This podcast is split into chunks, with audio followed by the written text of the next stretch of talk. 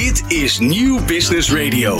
My Personal Finance. Jouw financiële gids. Iedere eerste dinsdag van de maand van 4 tot 5 op Nieuw Business Radio. Slimme geldtips voor ondernemers. Grip op je geld, grip op je leven.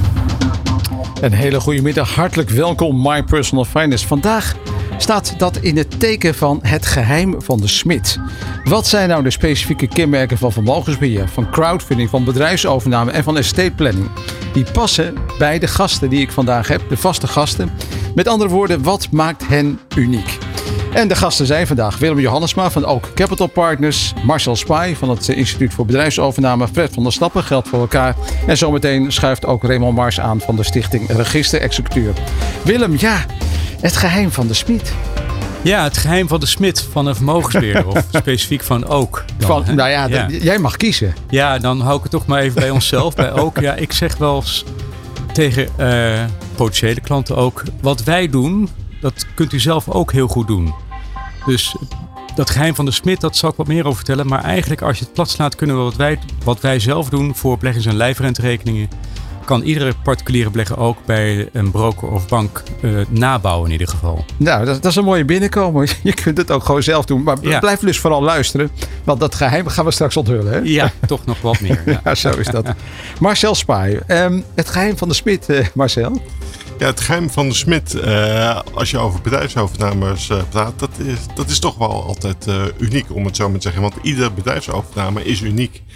En eh, bij ons is het eh, geheim van de Smit dat wij de perfecte match eh, zullen vinden eh, voor de verkopende partij. Wauw, dat is een mooi geheim. En Fred van der Stappen, geld voor elkaar. Eh, heb jij ook zo'n mooi geheim? Ja, ik weet niet hoe geheim geheim is, maar voor ons Nou, geheim, daar ga je bij fluisteren. Ja, ja, ja. Maar daar word ik heel stil van. Eh, maar het geheim zit denk ik in de samenwerking met de onafhankelijke adviseur. Daar zit het geheim in. Oké, nou, eh, drie mooie eye-openers eh, die we zo meteen gaan onthullen. Eh, blijf vooral luisteren, want hier hoor je de geheimen. My Personal Finance. Jouw financiële gids. Iedere eerste dinsdag van de maand van 4 tot 5 op Nieuw Business Radio. Slimme geldtips voor ondernemers. Grip op je geld, grip op je leven.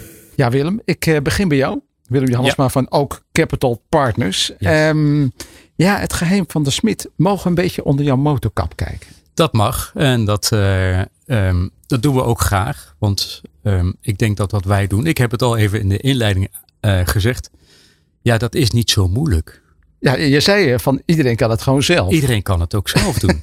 Dus ben je eigenlijk klaar. Ja, nou, ja, bijna wel. Maar ik zeg ook wel eens, ja, als je het zelf doet, is het ook goedkoper. Want ja, wij vragen natuurlijk toch een bepaalde vergoeding voor onze diensten. Ja, en, en mensen En- kunnen gewoon de portefeuille die jij maakt, kunnen ze kopiëren. Ja, ja, ja, die zou je gewoon letterlijk eh, kunnen kopiëren en nabouwen. Maar toch merk je dat eh, mensen dat niet doen. Eh, en, dat, en dat is ook de basis van, van eigenlijk onze dienstverlening. Er ligt een visie aan ten grondslag eigenlijk dat vermogensopbouw, pensioen en beleggen zijn voor heel veel mensen moeilijke onderwerpen. Lastige onderwerpen waar ze zelf moeilijk grip op krijgen. En ehm, weten dat je iets moet doen en het daadwerkelijk doen, dat is bij pensioen en beleggen is dat echt wel lastig. Maar ze hebben wel rendement nodig. En eigenlijk zeggen wij daarom is onafhankelijke vermogensbegeleiding eh, noodzakelijk om dat ook in gang te zetten. Wat, wat bedoel je daarmee? Onafhankelijke vermogensbegeleiding. Ja, nou onafhankelijke betekent, ja, laat zeggen, wij van WC Eend kunnen niet adviseren om te gaan beleggen, zeg maar. Ja, dat is ja. natuurlijk niet heel onafhankelijk. Dus wij werken alleen maar samen met eh, financial planners, financieel adviseurs in brede zin, eh, die eigenlijk onze dienstverlening plaatsen in een breder plaatje bij die klant. En pas dan gaat dat ook bij die klant ook werken. Want ja, beleggen is niet een doel, maar een middel naar dat doel. Want het doel is niet eh, zoveel mogelijk ren- rendement maken. Het doel is een goede oude dagsvoorziening te hebben. Of eh, sparen voor een sabbatical. Of voor een grote uitgave. Dat is een doel. En als je dat doel voor ogen houdt, ja, dan gaat het veel meer om dat waar je naartoe gaat. En dan, wat, wat heb je daarvoor nodig? En meestal is dat toch een rendement dat hoger is dan een spaarrekening. En dan moet je iets gaan doen met je geld. Ja, en dan komen wij in beeld als een oplossing voor aanvullend pensioen en beleggen. En dat doen wij, ja, wij vinden dat we het goed doen. En gelukkig hebben we dat ook, eh, wordt het ook gevalideerd hè, door onafhankelijke platforms met vijf sterren.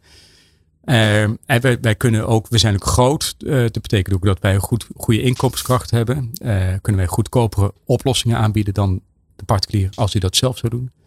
We zijn ook uh, gericht op duurzaamheid, fiscaal vriendelijk. En wij voegen ook beleggingen toe die het risico kunnen verlagen. Het zijn allemaal, noem dat maar het geheim van de smid. Dat zijn allemaal zaken die maken dat wij in ieder geval goed omgaan met uiteindelijk de weg naar dat doel toe. Nou, ja, je kunt zelf een, een, drankje tappen, maar jullie maken er een hele mooie cocktail van. ja, dat is een goeie. Mag ik die gebruiken? Ja, die mag je gebruiken.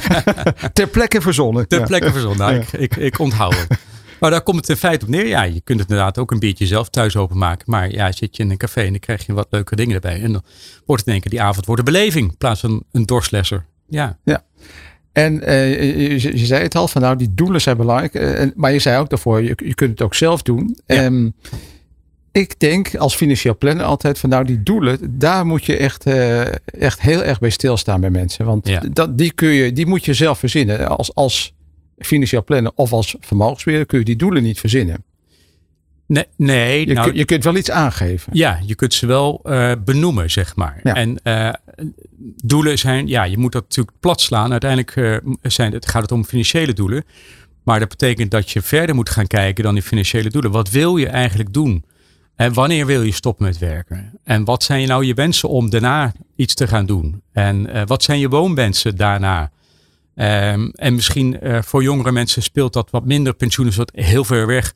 Maar willen ze wel op een gegeven moment ook tussentijds een keer wat anders doen dan alleen maar uh, van 9 tot 5 werken. Dus misschien een sabbatical. Dat kan ook een heel goed doel zijn. Dat is ook een planning waarmee je rekening moet houden. Dat alles heeft financiële consequenties en moet je dat dus plat staan in of een geldbedrag of een rendementsdoel waar je dat, uh, waar je dat in kunt doorrekenen. Nou, die tooling, die software, om dat inzichtelijk te maken, die bieden wij aan adviseurs aan. En dan krijg je ook een aantal scenario-analyses waar een klant ook op kan besluiten om het wel of niet te doen. Als ze zeggen, ja, dat spreekt me wat minder aan, want dan moet ik offensief beleggen. Dat kan, dat snap ik. Maar dan gaan we toch het doel ook aanpassen, want ja, dan, dat is de consequentie dan ook. Precies. Dus dat betekent, nou, die helpt dus als vermogensbeheerder ook mensen de doelen scherp te krijgen. Juist. Ja. ja. dus dus dat, dat is belangrijk. Eh, want ja, mensen hebben soms een vaag idee daarvan. Maar goed, dat is belangrijk. Eh, die beleggingen zijn dan eigenlijk heel ver weg. Hè? Want, want ja. ik, ik, kom dan nog wel mensen tegen die dan op regelniveau gaan kijken van wat heb ik. Ja. Maar ja. Ja, dat is. Ja, kijk, als mensen, sommige mensen vinden het heel leuk. En dat, ik, ik vind het zelf ook heel leuk om te beleggen. Ja. Ja, dat moet je ook vooral doen. Maar het is wat anders dan dat je zeg maar je potje voor je lange termijn opbouwt. Waar je, laat zeggen, meer voor je oude dagsvoorziening of wat ik zei, voor andere grote uitgaven iets doet.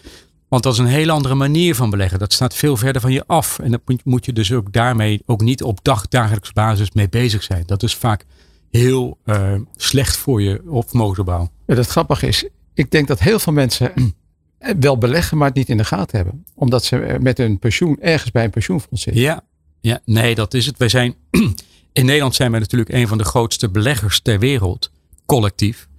We hebben uh, 1800 miljard collectief aan beleggingen. 1800 miljard. Ja, ja 1800 miljard. Ja. Dat is, laat zeggen, een walhalla aan, aan, aan beleggingsgeld voor, voor, voor mogensbeheerders. Maar het is allemaal collectief. Ja.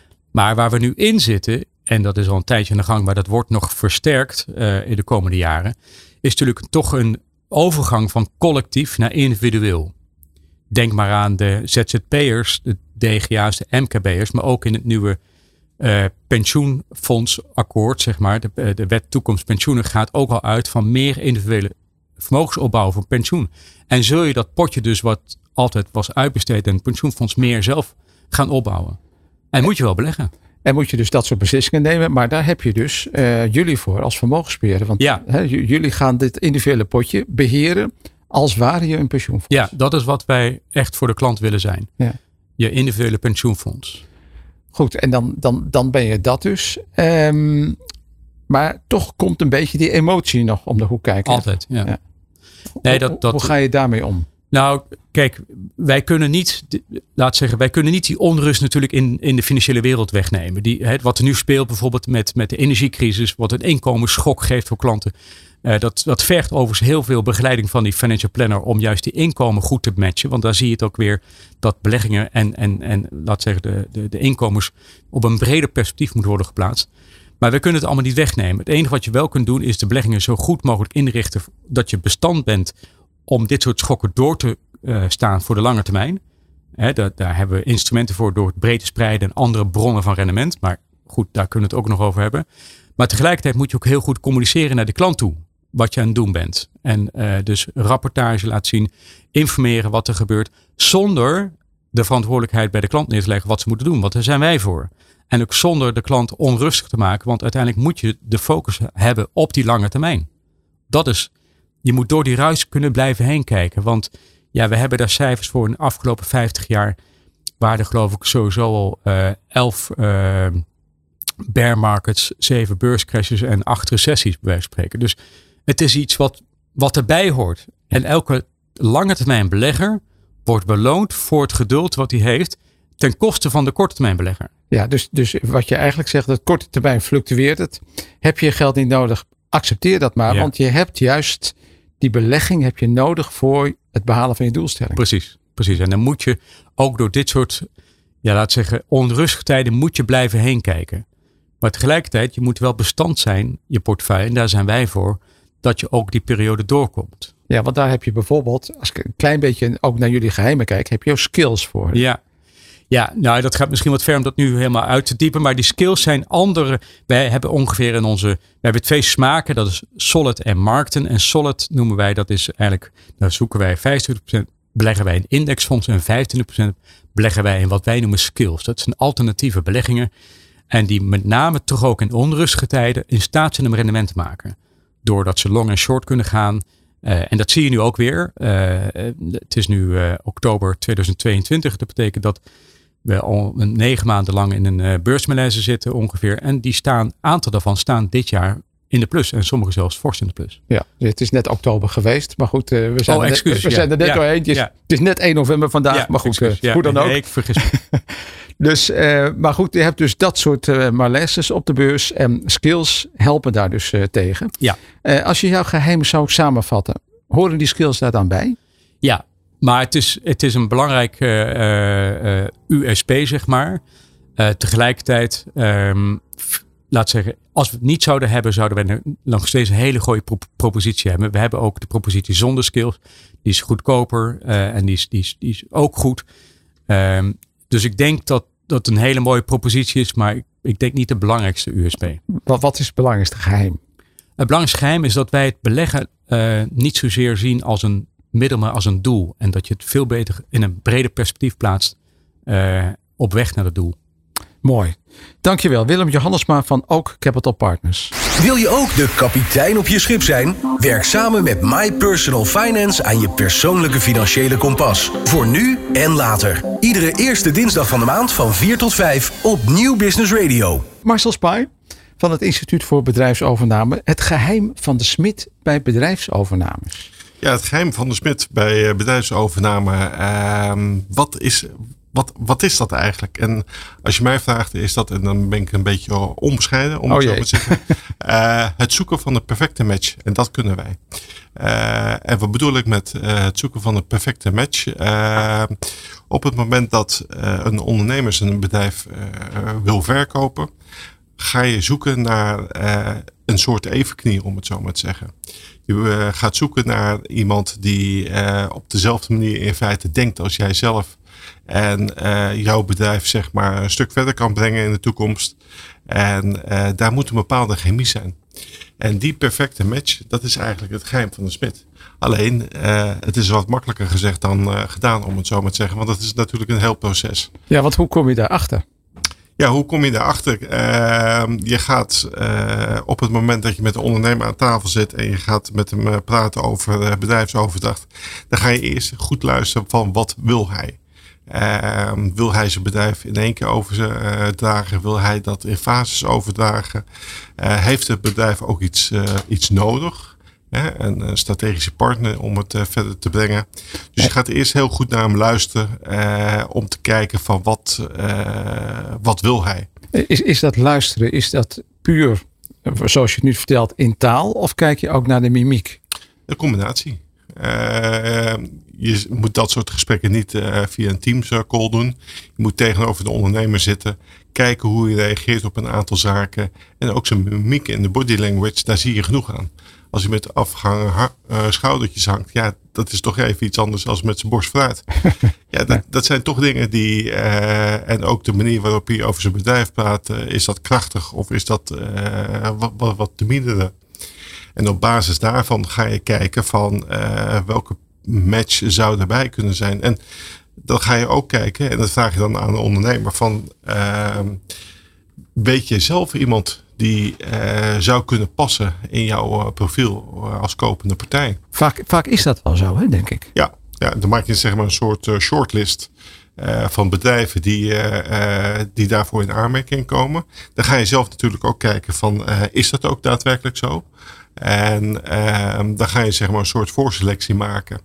En dan uh, neem je ook contact met hen op om te kijken of daar een bepaalde match is. Want op het moment dat uh, ondernemingen geïnteresseerd zijn in een bedrijf, heb je vaak ook even een voorgesprek om daar een bepaald gevoel bij te krijgen. Gaat dat matchen? En gaat dat ook op termijn werken? Want op het moment dat je een transactie mee bezig bent, heb je onderweg dat er best wel wat plooitjes op de weg uh, komen. Uh, discussies uh, of over de overnameprijs of over de uitkomsten van de due diligence rapport. En dan moet je kijken naar de people's mindset en ook aan hun mimiek, mimiek hoe ze daarmee omgaan. En heb je dat in het voortraject niet gedaan, dan kan je best wel wat verrassingen ja, op de weg tegenkomen. Dus dat gedrag wat jij eigenlijk observeert, is een belangrijk onderdeel van jouw geheim. Ja, ja. en daar staat toch uh, hoop, uh, daar staat of valt dat mee. En als je kijkt, het is natuurlijk heel makkelijk uh, om op een platform bedrijfsprofiel neer te zetten van te koop. Ja, dat is een beetje de easy way, laat het zo zeggen. Ja, want hoe doe jij dat dan? Want wat, wat is verder jouw geheim als, als je de easy way niet hebt? Uh, hoe kom je dan aan je koopkandidaten? Behalve dan dat de, de verkoper een suggestie heeft gedaan. Maar ja, dat past ook niet altijd. Nou, je gaat kijken wat voor uh, branches ze actief zijn. Uh, of dat bijvoorbeeld in de houthandel is of in de logistiek. Dan kijk je naar het profiel van het bedrijf wat in, in, de verkoop is. En dan ga je kijken binnen je eigen netwerk van wat zou kunnen passen. Of wat zijn zeg maar lookalikes, om het zo maar te zeggen. En uh, daar maak je een soort uh, selectie of een voorselectie in. En uh, dan ga je daar kijken van past het type ondernemer erbij. En dat is toch wel een beetje voorwerk en huiswerk wat je moet gaan doen. Grappig, ik, ik hoor jou dus over types ondernemers praten. En, en dat mensen een beetje hetzelfde moeten zijn. De evenknie, lookalike noem je. Maar wat ik ook wel zie is dat bepaalde overnames, eh, overnemers zoeken naar kandidaten die een aanvulling zijn op een dienstverlening. En dan maakt het verder niet uit wie daar, ver, wie daar zit als uh, oude uh, ondernemer. Ja, dat klopt. Maar ze moeten toch wel een bepaalde mindset hebben van hoe leid ik een bepaald bedrijf. Op het moment dat uh, de oud-eigenaar blijft zitten en nog één of twee jaar meewerkt, dan moet het wel matchen dan moet je wel dezelfde visies hebben. Want wat je dus inderdaad vaak hoort is dat de verkopende partij eh, zegt ik blijf één of twee of drie jaar aanzitten. Maar na drie maanden zijn ze weg. En dan heb je het verschil. Ja, dus die, die perfect match heeft dus daarmee te maken. Um, ik heb jou het woordje cultuur nog niet horen noemen. Want dat is natuurlijk ook heel belangrijk bij overnames. Ja, cultuur is uh, ook uh, belangrijk in uh, overnames. Ehm, op het moment dat je zeg maar verschillende culturen, dat heb ik zelf aan de lijve ondervonden, ondervonden met uh, implementatie van vier verschillende culturen. Uh, dat is best wel een uitdaging. Hoezo vier? Uh, ik heb vier ehm, zeg maar acquisities gedaan tegelijkertijd. Mm -hmm. in één zeg maar propositie. En daar had je vier verschillende culturen. En dan kan je vertellen, dat was een helft job. Lijkt me heel lastig, ja. En terecht dat je opmerkt dat uh, culturen daar uh, zeer van belang zijn. Maar in feite uh, neem je dat in je afweging al mee van wat voor een soort cultuur uh, zou bij een ondernemer passen. Is het ook zo dat de ondernemer de cultuur bepaalt in zijn onderneming? Ja, ja zeer zeker. Als je als uh, DGA of CEO ben je redelijk bepalend uh, van hoe een cultuur is. Is het een oudscultuur? Uh, dat zien we ook regelmatig. Uh, is het een cultuur waar mensen zich openstellen en ook blootgeven? Ja, dat, dat zijn toch wel belangrijke aspecten. Goed. Hè? Samenvattend, het geheim van jou? Het kunnen vinden van de perfecte match. Marcel Spaai van het Instituut voor Bedrijfsovername. My Personal Finance. Grip op je geld, grip op je leven. Met Roelof Meijer. Een uitzending uh, vol uh, met uh, geheimen. Fred van der Stappen, geld voor elkaar. Fred, heb jij een paar geheimen om heb, te onthullen? heel veel geheimen, Roelof. Maar voordat ik die ga, ga, beantwoorden, wil ik even terugkomen op het woordje kraut. En de vraag is of dat nu toepasselijk is op de ontwikkeling in, in deze sector. Oh. Je oh. ziet met name toch wel een, een vrij snelle professionaliseringsslag daar plaatsvinden. Dat naast de crowd ook grote investeerders naar platformen komen om uiteindelijk aantrekkelijke projecten te financieren. Dus de vraag is op langere termijn, is die crowd nog, hè? crowdfunding, is dat toch nog de juiste benaming? Maar dat is niet mijn geheim van vandaag. Ik vind het wel, wel even een, een mooie binnenkomer hoor. Dat, uh, dat je dit zo noemt. Dus dat betekent dat, dat de crowd toch een klein beetje aan de, aan de zijlijn wordt nee, geschoven. Lijkt nee, het. het is, of het is het NN? Het is NN. Je ziet namelijk dat, dat die markt, het marktaandeel van platformen steeds groter wordt. Ja. Dus uiteindelijk heb je ook meer uh, investeringspower nodig. Om uiteindelijk dat MKB aan een passende financiering te helpen. Dus voor het MKB die een financier zoekt, is het goud. Want ze hebben veel meer keus. Ja, eigenlijk is dit een gouden tip. Wauw. Ja, zijn we klaar, Fred? Ja. Maar dat kan niet, hè? Zonder het onafhankelijk uh, adviseurs. Uiteindelijk okay. zijn die heel belangrijk in het succes van een platform. Ik, ik heb een gouden dag geloof ik als Ja, als nee, nee, nee, zeker. Nee, maar kijk, uiteindelijk sta je uh, samen uh, als adviseur samen met die ondernemer voor een, voor een vraagstuk. Ja. Die ondernemer heeft behoefte aan groeikapitaal. En hoe ga je dat op een passende manier organiseren? Passend bij die ondernemer en passend bij de juiste uh, geldgever. Mm -hmm. Lees in dit geval een, een fundingplatform. Mm -hmm. En die dialoog, hè, eigenlijk dat, dat ja, dat samenwerken is uitermate belangrijk uh, in het behalen van succes. Hoe gaat dat samenwerken dan in de praktijk? Nou, kijk, het begint natuurlijk uh, de dialoog die, uh, die die adviseur heeft met die ondernemer. Welke risicobereidheid heb je als, als ondernemer? dus hoe, hoe, hoe zwaar wil je aan de wind zeilen? Um, welke financieringsoplossingen passen ook bij jou als persoon? Um, veelal moet je ook in privé meetekenen. Wil je dat, wil je dat niet? Allerlei afwegingen maak je in dat, in dat hele proces om te komen tot hè, de keuze van de financier. En dan is dat samenspel tussen financier en, en platform, of uh, platform en adviseur is uitermate belangrijk. Hoe beter je begrijpt hoe een platform werkt, wat zijn uiteindelijk de belangrijke criteria waarop een screeningsproces is ingericht, des te beter kun je dat weer vertalen richting die ondernemer en uiteindelijk ook de slagingskans bepalen van een project voor sommige ondernemers is dat een soort black box. Hè? Wat, wat voor criteria daaronder liggen. Dus zeg maar, dat is echt een geheim. Hoe, hoe zit dat voor die adviseur? In hoeverre wordt hij meegenomen in die criteria? Ja, dat is altijd lastig, omdat je natuurlijk, je hebt harde criteria en wat meer zachte criteria. Kun, kun je daar eens een maar, voorbeeld van geven? Ja, maar kijk, ik denk als je het heel plat slaat, Roelof, hè, komt het eigenlijk vaak neer op betaalcapaciteit. Kan ik uiteindelijk, als ik een nieuwe financiering aanga, de rente en aflossing terugbetalen. Is dat altijd de bottom line?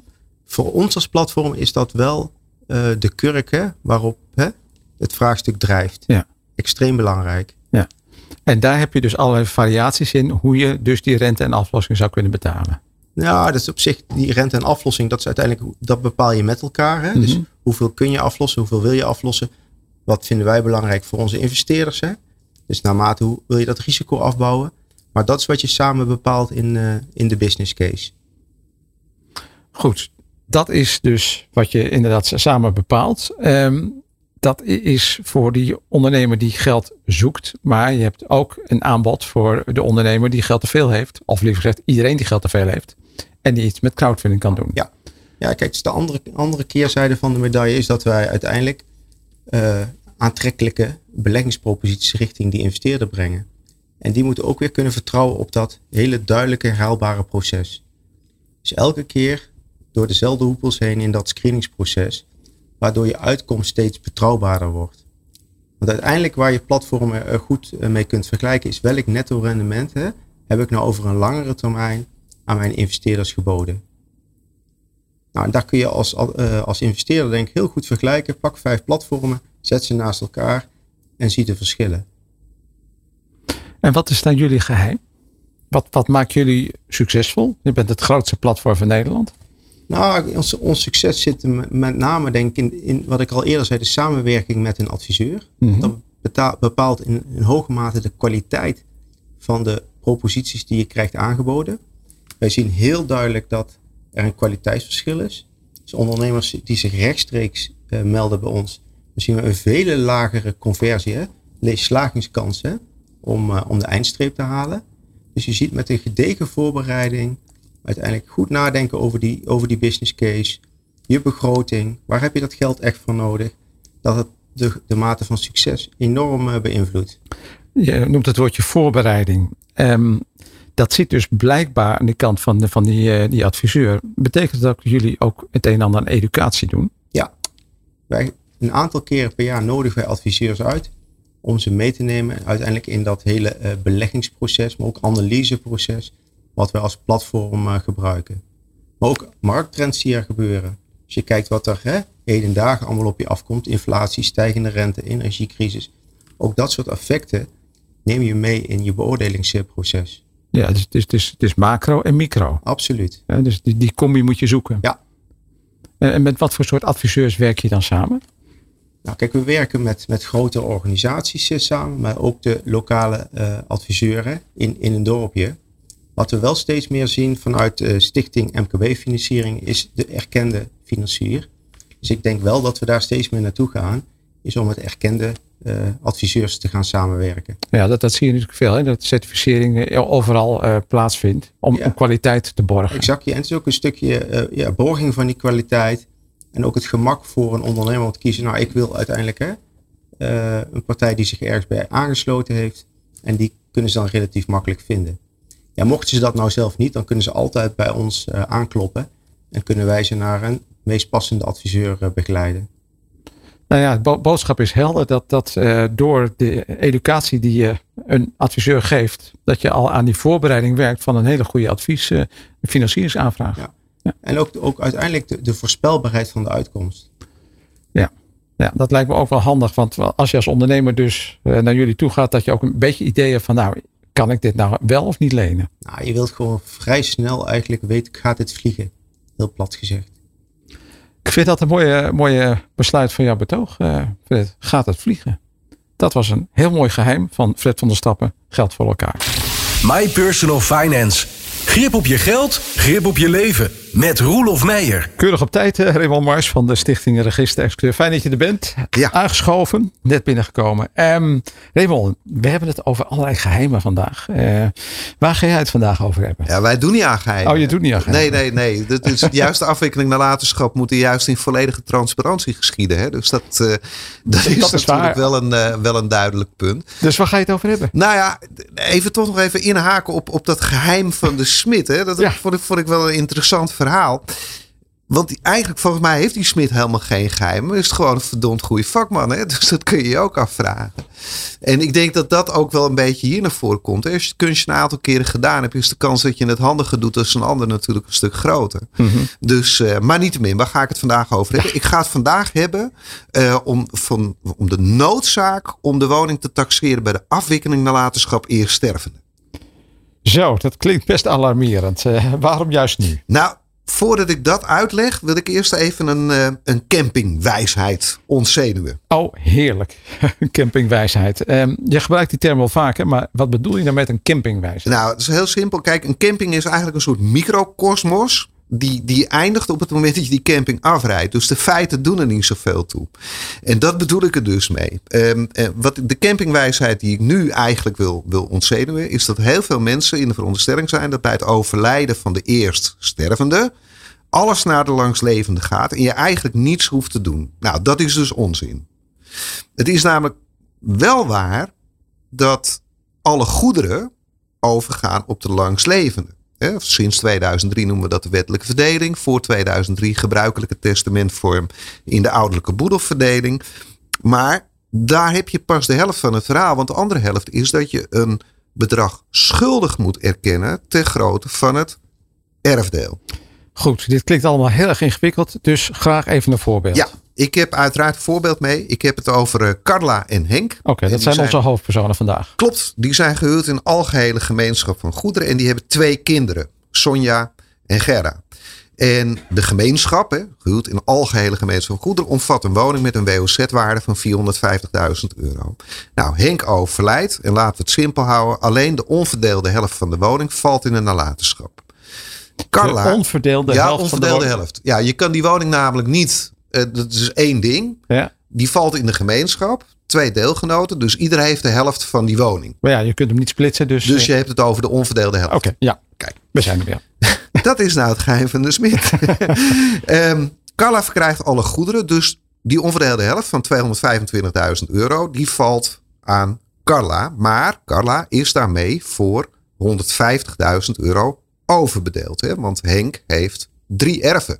Te weten Carla, Gerda, Sonja. Oké, okay, 4,5. Ja, 450 gedeeld door 3. Ja. ja. Nee, 450 de onverdeelde helft 225. En van die 225 elk een derde deel. Oké. Ja? ja? Dus dat betekent 150.000 euro overbedeling ten opzichte van Sonja en Gerda. En dat doen ze ook netjes in de aangifte erfbelasting. Dan krijgen ze nog wat korting op, omdat namelijk die overbedelingsvordering niet direct op eisbaar is. Nou, uh, uh, het, het, totaal in die aangifte is 225.000 euro. Niets aan de hand, fiscaal gezien. Echter, de werkelijke waarde van de vordering van Sonja en Gerda, die moet je baseren op de waarde in het economisch verkeer. En dat is niet de WOZ-waarde, omdat namelijk de WOZ-waarde nogal eens afwijkt van de waarde in het economisch verkeer. En wanneer komt dat pas tot, uitkering, uh, tot, uh, tot, uitkeer, uh, tot uiting? Dat komt pas tot uiting op het moment dat je de nalatenschap um, gaat verdelen als ook de laatslevende is overleden. Goed. En dan? Nou, en dan? Nou, dat is een goede vraag. Want het, wat ik wil zeggen, het wordt belangrijk op het moment van overlijden van de laatslevende, ofwel mm -hmm. Carla, hè, want Henk mm -hmm. is dood. Carla overlijdt zes jaar na Henk. En de woning wordt, want die is aan Carla gevallen, die wordt in een nalatenschap betrokken um, uh, uh, van, uh, van Carla. Um, dan neem je de WOZ-waarde. En stel de WOZ-waarde is op dat moment 500.000 euro. Stel nu eens dat je de overbedelingsvorderingen naar aanleiding van het overlijden van Henk laat staan op 150.000 euro. Dan zien we een nalatenschap van 4,5 ton, 150.000 euro eraf. Dus 350.000 euro hè, met, met z'n twee te verdelen. Elk 175. Hè. Dus we hebben 5 ton, dat is die WOZ-waarde, anderhalve ton eraf, 3,5 ton. Dus 175.000 euro. Oké, okay, maar dan heb je het rekensommetje gemaakt op, op basis eigenlijk van die WOZ-waarde. Maar je ja. hebt het ook over de werkelijke waarde. Die overbedelingsvordering die mag gewaardeerd worden op de werkelijke waarde. Maar hoe zit dat dan? Helemaal goed. Nou, dan moeten we dus de werkelijke waarde kennen van de woning op het moment van overlijden van Henk. Stel nou eens dat die op dat moment 600.000 euro was. Dan wordt het sommetje na het overlijden van Carla wezenlijk anders. Namelijk 500.000 euro aan fiscale nalatenschap die er aan het einde van de rit ligt.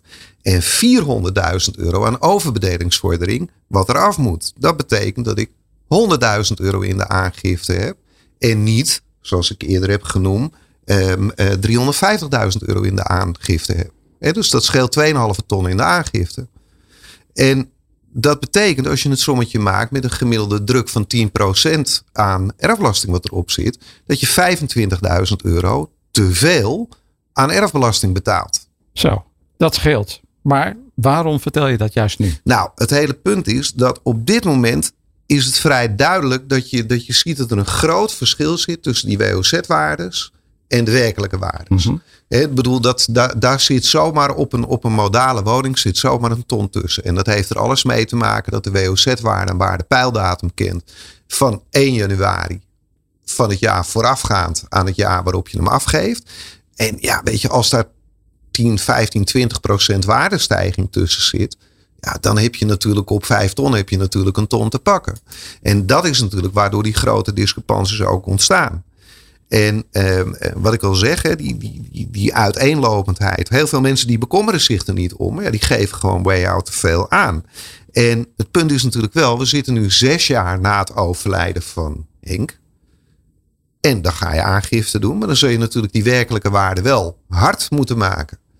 Ja, als je niet iets van een vorm van een taxatie hebt of wat dan ook, ja, dan wordt het natuurlijk best lastig.